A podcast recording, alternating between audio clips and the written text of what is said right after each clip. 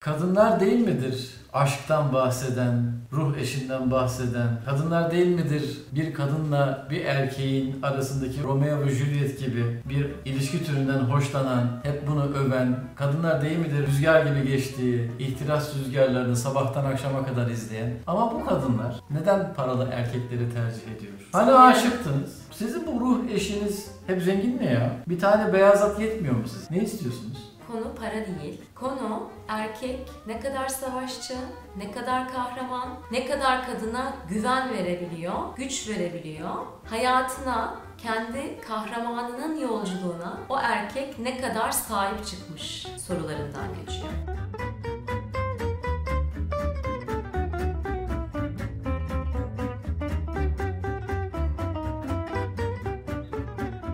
Merhaba ben Gülen. Ben de Levent. Yepyeni bir konuyla karşınızdayız ve bu konu çok ama çok önemli bir konu. Evet, kadınlar değil midir aşktan bahseden, ruh eşinden bahseden? Kadınlar değil midir bir kadınla bir erkeğin arasındaki Romeo ve Juliet gibi bir ilişki türünden hoşlanan, hep bunu öven? Kadınlar değil midir rüzgar gibi geçtiği, ihtiras rüzgarlarını sabahtan akşama kadar izleyen? Ama bu kadınlar neden paralı erkekleri tercih ediyor? Tata! Bu ilginç konuya geçmeden önce sizden bir ricamız olacak. Lütfen bu videoları beğenin ve lütfen bu videolara yorum yapın. Biz bu çorbayı pişirdik ve bu çorbanın tuzunu, kimyonunu yani beğeni, abone olma ve çan işaretine basma olayı da artık sizden. Hadi arkadaşlar. Annesini babasını seven, çoluğunu çocuğunu seven şu düğmelere bir bassın Allah aşkına ya. Çok zor değil. Şu çan işaretine, bir de şu beğeni işaretine birer kere basın. Ondan sonra yürüyün gitsin. Çok zor bir şey değil yani. Biz video çekmeye devam edeceğiz böylece. Hani aşıktınız? Hani aşka aşıktınız? Hani ne oldu bu Selvi Boylum, Al Yazmalımlar? Ne oldu bu ihtiras rüzgarları? Ne oldu bu Romeo Juliet romanları? Nereye gitti sizin bu ruh eşini arayışlarınız? Sizin bu ruh eşiniz hep zengin mi ya? Bir tane beyaz at yetmiyor mu size? Ne istiyorsunuz? Hepsini bir arada mı istiyorsunuz? Bu bayağı bir erkeklerin konuştuğu konu değil mi? Özellikle 20'li yaşların en büyük meselesi bu. Evet. Evet. Çünkü daha o zamanlar erkekte para yok. Para yok. O yüzden de ben şeye de bakıyorum. YouTube yorumlarında da daha böyle gençlerin takip ettiği kanallarda bayağı bir bu konuyla ilgili işte paralı insan istiyorlar bilmem ne falan filan diye bayağı böyle bir çeşitli çeşitli yorumlar da yapılıyor. Şimdi ben erkeklerin gelişimini erkek gelişimi olarak anlatmayacağım. İçimizdeki eril parçanın gelişimi olarak anlatacağım. Ve eril parçanın gelişimi neden parayla paralel bir şekilde gelişir ondan bahsedeceğim önce. Sonra da neden kadın belli bir ekonomik güçteki erkeğe çekilir, sağlıklı kadın ondan bahsedeceğim. Sağlıklı kadın. Ta ta. Tata! Şok şok şok. Yani bu çok Bilen ne normal bir şey. Sağlıklı kadın zengin erkek ister mi diyordu. Yani bayağı bir linç yiyebilirsin. Linç Söyleyeyim yiyelim. sana. Buradan. Şimdi bunu anlayabilmek için gerçekten ciddi olalım bir yandan da. Yani size ya zenginlik bilmem ne falan gibi böyle daha içinizdeki ergeni tetiklemiş olabilir benim bu söylediklerim. Bu içinizdeki ergeni bir köşeye park edin. İçinizdeki yetişkini ortaya çıkarın ve benim bu söyleyeceklerimi lütfen içinizdeki yetişkinden dinleyin. Sevgili erkekler ve sevgili kadınlar. Şimdi videolarda bayağı bir dişil taraf nedir, dişil tarafın özellikleri nelerdir onlardan bahsetti. Eril tarafın özelliklerini de bir hatırlamak lazım. Eril taraf bir kere sonuç odaklı tarafımız. Bağımsızlığa sahip tarafımız yani kendi ayakları üzerinde durabilen, ekonomik olarak ya da başka şekillerde başkasına muhtaç olmadan yaşayabilen tarafımız. Aynı zamanda bir sonuca, bir hedefe doğru kitlenip o hedef doğrultusunda ne yapılması gerekiyorsa önüne çıkan engelleri aşabilen tarafımız. Ve eril tarafımızın içinde bir takım önemli arketipler var. Bunlardan biz tabii de kraldan, Zeus'tan bahsediyoruz biliyorsun. Ama krala ve Zeus'a gitmeden önce bizim içimizdeki kahramanı aktive etmemiz gerekiyor. Şimdi içimizdeki kahraman arketipi nedir? Hemen sana sorayım. Bizim bu Türk kültüründe en çok bildiğimiz kahraman arketipi kim? Tarkan. Tarkan ve bir de Kara Murat. Evet. Değil mi? Şimdi Kara Murat deyince, Tarkan deyince senin aklında neler canlanıyor? Nedir onların özellikleri? Savaşçı, koruyucu Hı hı.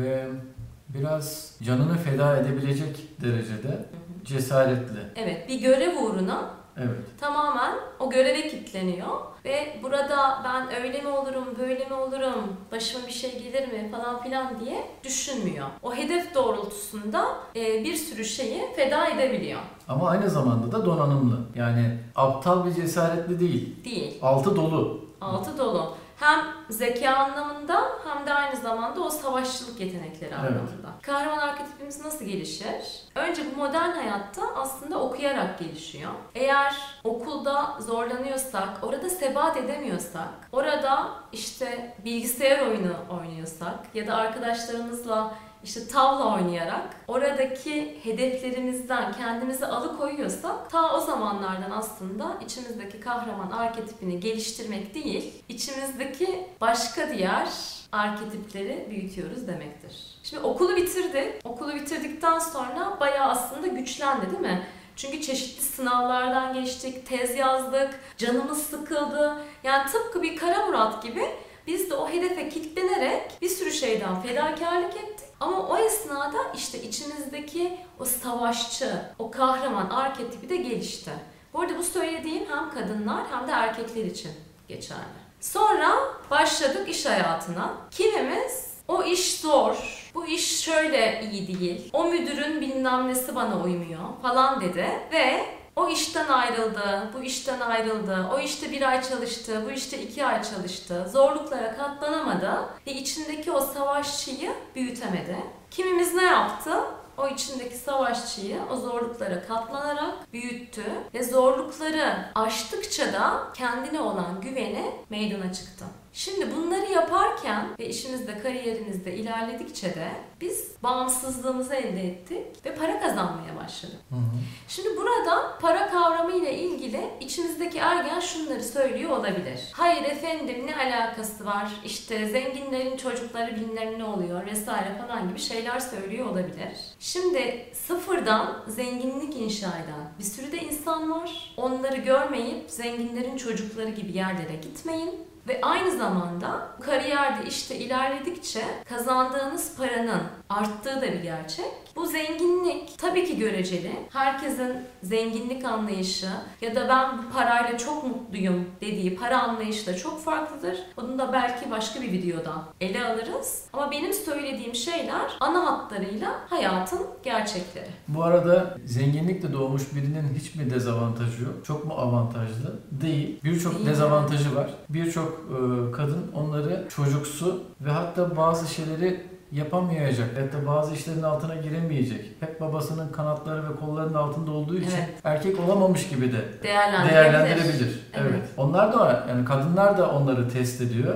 ve onlar da birçok testten geçemiyorlar. Sadece paranın olması çözmüyor işi. Çözmüyor. Şimdi kadın sonuçta ilkel zamanlara gidelim. İlkel zamanlarda ki bu modern toplumlarda biliyorsunuz ne kadar süredir yaşıyoruz. Bizim biyolojimiz ona göre şekillenmedi. O eski mağarada yaşarken biz içeriye bir ayı geldiğinde, bir aslan geldiğinde bizi koruyan, bizi güvende hissettiren erkekleri biz seçtik. O yüzden bu toplumda da bizi güvende hissettiren erkeklere çekiliyoruz ve bizi güvende hissettirecek erkeğin savaşçı, kahraman arketipinin gelişkin olması gerekiyor. Yani konu aslında para etrafında şekillenmiyor. Konu senin o kahraman, senin o savaşçı arketipin ne kadar gelişkin etrafında şekilleniyor. Mesela ben e, kendi şirketimi kurduğum ilk yıllarda 5-5,5 sene kadar şirkette 12 metrekarelik bir odada yattım kalktım. Ama bunun karşı cinsi etkisi sıfırdı. Yani ben parasızdım doğru ama mücadelem vardı. Evet. Yani onların görmek istediği şey mücadele ediyor ve mantıklı kararlar veriyor mu yoksa saçmalıyor mu? Evet. Yani Veyahut senin da bu mücadeleyi vermiyor mu? mücadeleyi vermiyor mu? Yani sen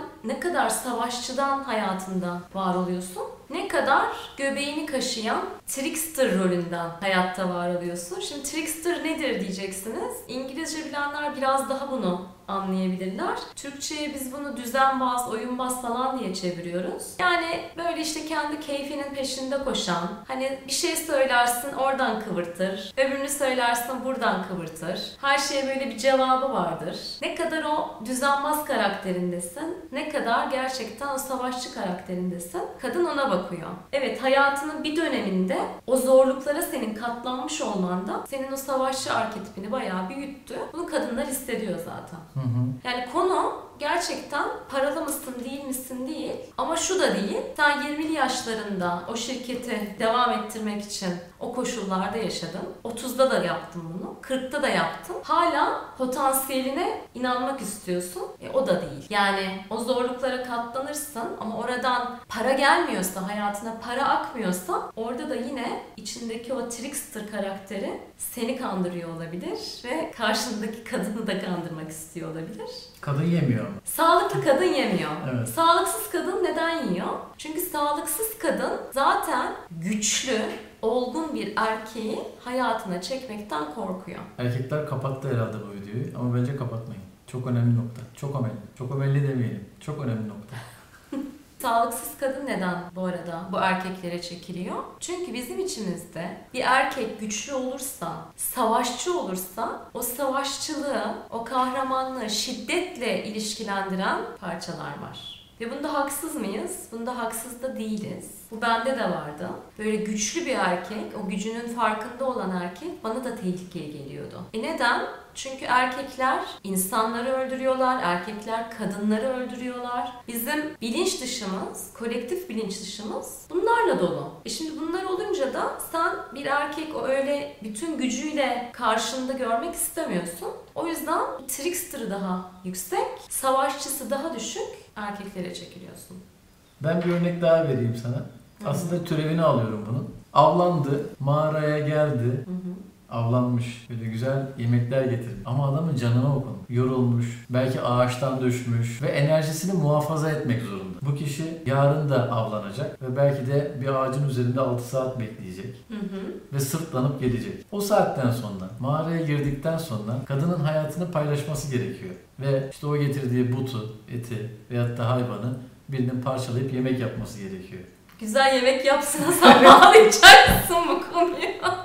Bu arada konu nasıl buraya bağlandı merak ediyorsanız demek ki bir önceki videoyu seyretmediniz demektir. O bir önceki videoyu seyrederseniz konu nasıl buraya bağlandı onu anlayabilirsiniz. Şimdi nasıl sen ne kadar kahraman, ne kadar iyi, ne kadar yetenekli diye bu hani ölçümleri kadın gözlemleri yapıyor ya. Biz de şu gözlemleri yapabiliriz. Bu ve bu bizim hakkımız yani.